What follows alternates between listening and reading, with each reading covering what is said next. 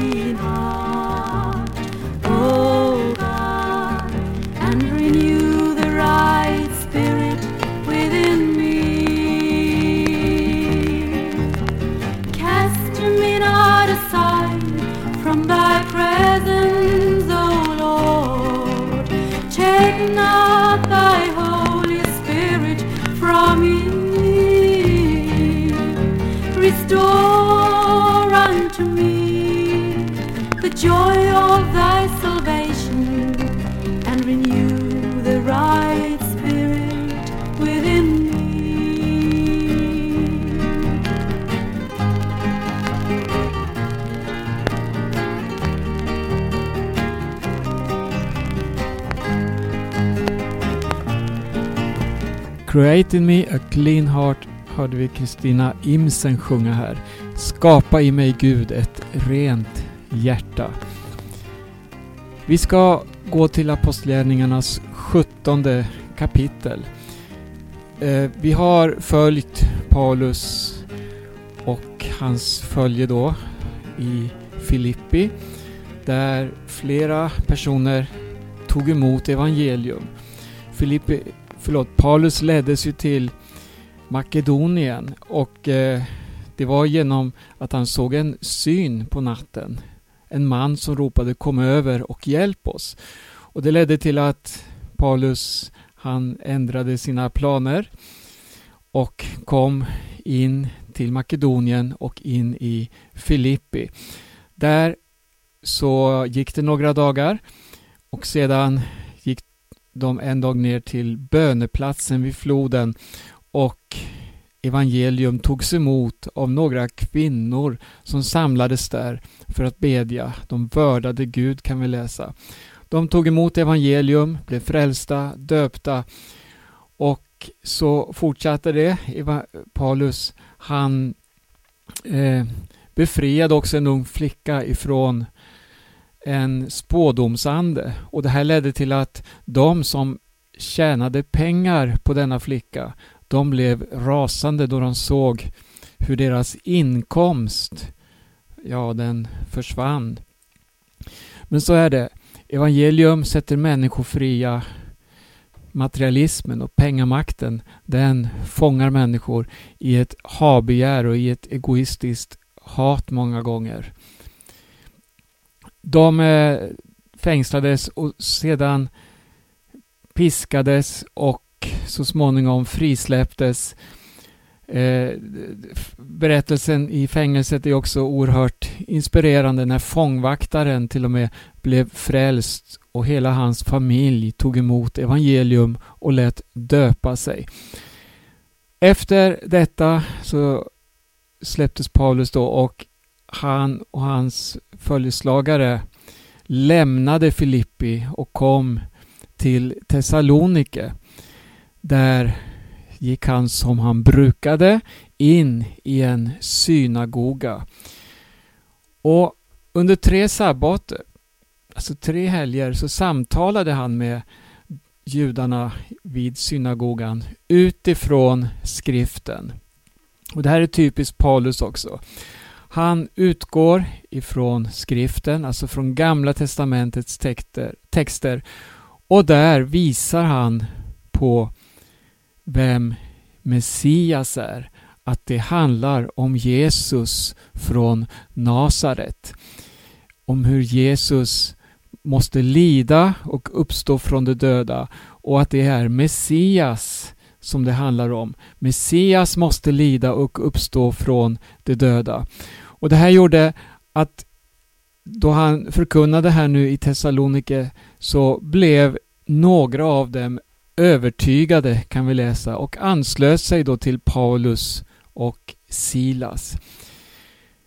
Och så hände det återigen, det vi har läst så många gånger. Judarna blev avundsjuka och samlade ihop då onda män från gatan, en mobb och det här ledde till upplopp i staden. Så man stormade fram mot Jasons hus där Paulus höll till. Och så sökte man efter Paulus och Silas för att släpa ut dem till folkmassan. Men de fann inte dem utan de drog med sig Jason och några andra bröder till stadens styrande och skrek Nu är de här också, de som har vänt upp och ner på hela världen. Och Jason har tagit emot dem. De gör tvärt emot kejsarens påbud allihop och säger att en annan är kung, en som heter Jesus. Folket och de styrande blev oroliga när de hörde detta. Och de lät Jason då och de andra betala borgen innan de frigavs. Det hettade till alltså också här. Men eh, vi ser återigen då hur Paulus han skickas iväg från den här platsen för att rädda sitt liv. Men evangelium var sått, evangelium var förkunnat och människor hade börjat ta emot och det finns ingenting som kan stoppa det när Gud går fram, när ordet börjar verka i människors hjärtan. Nu kom de till en annan plats. Paulus och Silas. De kom till Berea. Och också där kan vi läsa att de gick till judarnas synagoga. Då står det i vers 11 så här. Och det här är intressant. Här står det om folket i Berea att de var öppnare än de i Thessalonike. De tog emot ordet med stor villighet och forskade varje dag i skrifterna för att se om det stämde. Så man tog till sig ordet. Och så såg man då att det här stämde. Jesus är Messias. Många av dem kom till tro. Likaså ett stort antal grekiska kvinnor och män. Och återigen, judarna i Thessalonike fick veta att Paulus förkunnade Guds ord också i Berea och de kom dit och spred oro och hetsade upp folket. Och bröderna sände då genast iväg Paulus ner mot kusten. Men Silas och Timoteus stannade kvar där. Man kan fråga sig, vad är det som gör att, att eh, överallt där Paulus drog fram och förkunnade evangelium så fanns det nitiska judar som eh, såg till att det blev oro och upplopp. Vem hade något att vinna på det? Vad var man rädd för? Man, man sökte uppenbarligen inte sanningen för att dessa judar hade ju också skriften. Man hade hela gamla förbundet, alltså hela gamla testamentet som man föreläste i synagogan. Systematiskt gick man igenom texterna. Och här kommer en person som gör samma sak. Han visar utifrån skriften att det ni läser om här, det har hänt. Det ni läser om här har gått i uppfyllelse. Gud sände sin son Jesus. Ni har läst om det i Gamla Testamentet. Gud sände Jesus. Han bar all vår synd. Ni har läst om det, exempelvis i Jesajas bok. Det, det finns, det, det finns ett sanningssökande här som dessa judar då som hela tiden förföljde Paulus inte ville närma sig, inte ville veta av. Här, här möter vi någonting som jag tror också är typiskt för våra dagar. Vi har ett evangelium som vi vill förkunna för varje människa. Som vi vill dela med vår omgivning. Men så finns det något som kallas för att man ska ha respekt för varandras religioner exempelvis. Och man ska se på vad alla andra tror och tycker och vad man ja, man ska respektera detta. Men så finns det något evangelium som säger att ett namn står över alla andra namn. Och det var det här Paulus lyfte fram. Han lyfte fram namnet Jesus. Och där börjar konflikten. För att många som tror på Gud, många som lever religiösa liv eller inom olika eh, religiösa inriktningar. De kan acceptera varandra, varandras tro, varandras traditioner och så vidare. Man kan bygga stora religiösa center som här i Stockholm där jag sitter. Vi har Fisksätra där man har byggt sådana här multireligiösa hus där olika religioner samlas och tillber. Men så börjar man närma sig vad är budskapet?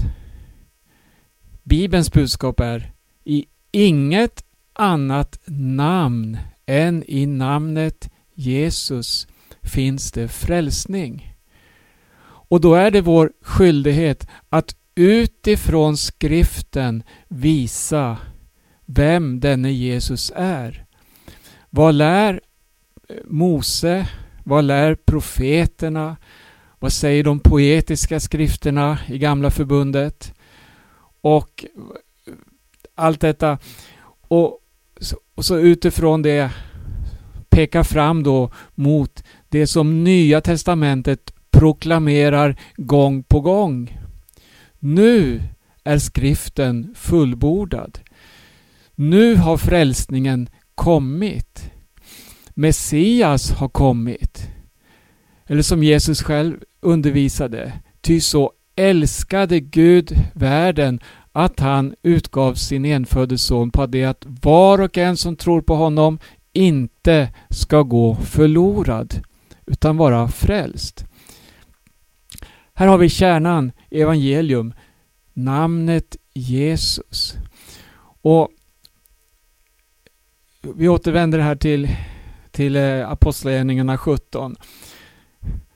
Paulus, han förkunnade ordet och visade genom skriften vem Jesus var och det skapade oro. För det kan bryta in och störa den religiösa lunken. Eh, vi ska se vad som hände vidare. Paulus, han eh, fick ju lämna då eh, Berea också och han fördes av en vägvisare ända till Aten. Och Aten, det var ett centrum där, där eh, det kallas för lärdomsstaden framför andra i den grekisk-romerska världen. Där samlades diktare, talare och filosofer. Och eh, när Paulus nu var i Aten så väntade han där på att Silas och Timoteus snart skulle komma. Men då gick han omkring i staden och det står att han blev upprörd i sin ande när han såg hur full staden var med avgudabilder. Och det här tog han upp. Han samtalade i synagogan med judarna och med dem som vördade Gud och också varje dag på torget med dem som han träffade där. Och så träffar han klart då filosofer. Och så står det här i 18 versen, han träffade både epikurer och stoiker. Och de här representerade huvudinriktningar inom grekisk filosofi. Epikurerna, säger folkbibeln här, de var materialister och livsnjutare medan stoikerna hyllade panteism. Alltså en månggudlära kan vi säga, en viljestyrka, en moral. Och Paulus diskuterade med dessa och en del sa Vad vill den här pratmakaren säga? Och andra Han verkar vara en som förkunnar främmande gudar. En som förkunnar främmande gudar. Det fanns också en, en hellenism som det står i folkbibeln här som en förklaring. Eh, det hade förkunnats och ett flertal kulter från Mellanöstern hade spritt sig västerut till den grekiska världen. Nu tog man med Paulus till Areopagen. Alltså den plats, det ligger eh, Atens högsta domstol skulle, brukade sammanträda där. Och det som hände här var dock ingen domstolsscen, men det var ändå så att man samlades på den här platsen och man tog med sig Paulus dit för man ville höra vad han förkunnade. Kan vi få veta vad det är för en ny lära du förkunnar? Det är märkliga ting du låter oss höra. Nu vill vi veta vad det rör sig om. Alla atenarna, liksom utlänningarna där, ägnade nämligen all sin tid åt att tala om och lyssna det till det som var senaste nytt. Nu hade alltså stämningen, vad ska man säga, den var på topp. Paulus stod i centrum nu. Man hade fört honom till Areopagen och ställt honom där. Nu hade han ett tillfälle att nå dessa atenare. För de ville höra vad han hade för något nytt att komma med. Paulus tar tillfället och vi läser nu från den 22 versen. Han ställde sig då mitt på Areopagen och så sa han Atenare, jag ser att ni på alla sätt är mycket religiösa. När jag gick omkring och studerade era gudabilder fann jag nämligen också ett altare med inskriften åt en okänd gud. Det ni tillber utan att känna, det förkunnade jag, eller det förkunnar jag nu för er. Gud är den som har skapat världen, fortsätter han, och allt som finns i den. Han som är herre över himmel och jord bor inte i tempel gjorda av människohand. Han låter sig inte heller betjänas av människohänder som om han behövde något. Han som åt alla ger liv och anda och allt. Här står alltså Paulus mitt i Greklands huvudstad Aten, mitt i detta religiösa multicentrum, bland alla dessa avgudabilder, bland dessa tempel man hade rest upp där. Mitt i detta så står han och proklamerar Gud bor inte i dessa byggnader. Och det skulle vi behöva ropa ut också i våra dagar där man har byggt upp massor av tegelstensbyggnader som man kallar för Guds hus och säger att Gud bor där. Det är så långt ifrån Nya Testamentets förkunnelse man kan komma att påstå något sådant.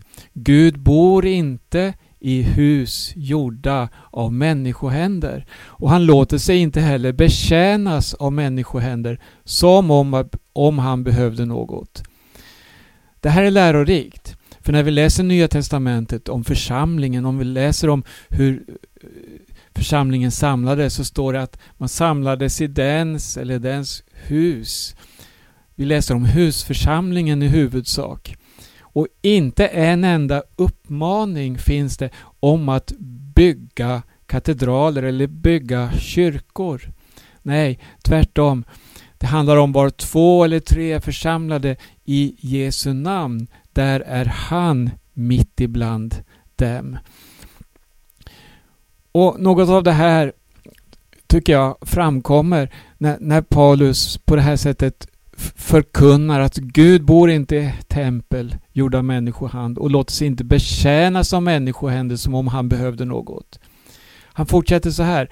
Av en enda människa har han skapat alla människor och folk till att bo över hela jorden.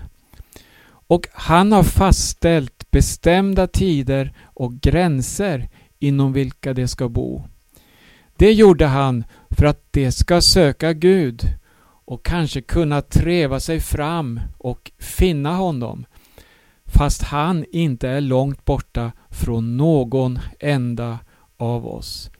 För i honom är det vi lever och rör oss och är till, så som även några av era egna skalder har sagt. Vi är av hans släkt. Är vi nu av Guds släkt bör vi inte tänka oss att det gudomliga liknar något av guld, silver eller sten, en bild som kommit till av mänsklig konst och fantasi. Gud har länge haft överseende med okunnigheten. Förlåt, med okunnighetens tider. Men nu befaller han alla människor överallt att omvända sig. Han har nämligen bestämt en dag då han ska döma världen med rättfärdighet genom en man som han har utsett och han har erbjudit tron åt alla genom att uppväcka honom från de döda. Här fokuserar Paulus igen på Jesus. Han som uppstod från de döda. När Paulus börjar tala om detta, ja då då blir det rörelse, då blir det reaktioner och några började håna honom. Andra sa, vi vill höra dig tala om detta igen. Men där eh, lämnade Paulus samlingen. Men så står det då det här som är så värdefullt. Men några anslöt sig till honom och kom till tro. Och så nämns det några vid namn. Bland annat en medlem av Areopagen, alltså av detta center där han talade. Guds ord återvänder aldrig fåfängt. En eh, till eh, kommentar i den här texten. Det, det är något som har eh, diskuterats eh, under senare tid när det gäller flyktingfrågan. Ska vi ta emot flyktingar eller inte? Eh, det, då används ofta den här bibelversen, det är den 26 versen, att Gud har fastställt bestämda tider och gränser inom vilka det ska bo, alltså människor över hela jorden. Eh, det, det, det blir fel att lägga in det här argumentet i en flyktingdebatt. För om vi läser det här så handlar det om evangelium. Det, att han, Gud gjorde detta för att de ska söka Gud och kanske kunna treva sig fram och finna honom. Jag tycker man möter här ett budskap som handlar om att värna om varandra, hjälpa varandra. Det finns gränser, men gränser vi har skapat idag genom våra välfärdsstater eller den Europeiska unionen med en yttre gräns där vi stänger ute människor som flyr för sina liv. Det kan man inte applicera i den här texten. Nej. Vi finns här och vi har ett budskap, vi har ett uppdrag. Det är att var helst vi ser någon nödlidande, var helst vi ser någon människa som behöver hjälp, ja då är det vår simpla skyldighet att räcka ut vår hand och hjälpa den människan. Sen är migrationspolitiken ett komplicerat kapitel. Det är svårt att veta vad som är rätt och fel många gånger. Men grunden för en kristen, grunden för en troende, det är alltid att sträcka ut sin hand, att ta emot flyktingen, att dela med sig av det man har till den som inte har något. Till den som hungrar ska man dela med sig av mat, sitt bröd och så vidare. Bibeln är full av exempel och Bibeln genomsyras av detta budskap att räcka ut sin hand. Till och med i den urkristna församlingens gemenskap möter vi detta att där fanns ingen som led nöd. Ingen rik, ingen fattig, utan man delade med sig åt var och en eftersom var och en behövde. Ja, det här var en liten utstickare, en liten kommentar i det här kapitel 17 i Apostlagärningarna. Vi stannar där för denna gång. Eh, jag heter Berno Vidén och vi sänder här på Radio Maranata Stockholm och Radio Maranata Örebro varje morgon klockan 8, måndagar och onsdagar klockan 18. Jag önskar alla er som har lyssnat den här dagen Guds rika välsignelse. Du är varmt välkommen att besöka vår hemsida maranata.se. Där finns det mycket ljudfiler att lyssna till och det finns en del att läsa där om Maranataförsamlingen. Vi har också en tidning som heter Midnattsropet. Den eh, sprider vi kostnadsfritt och alla som önskar få den är bara att anmäla sig, lämna namn och adress så skickar vi den till dig. Den går att läsa eh, också på nätet men vill du ha en papperstidning så är det bara att höra av dig och du får den. Eh, midnattsropet.se där finns också en butik med lite litteratur som Maranataförsamlingen ger ut. Med det så säger vi än en gång Guds välsignelse och på återhörande. Låt mig få höra om Jesus. home.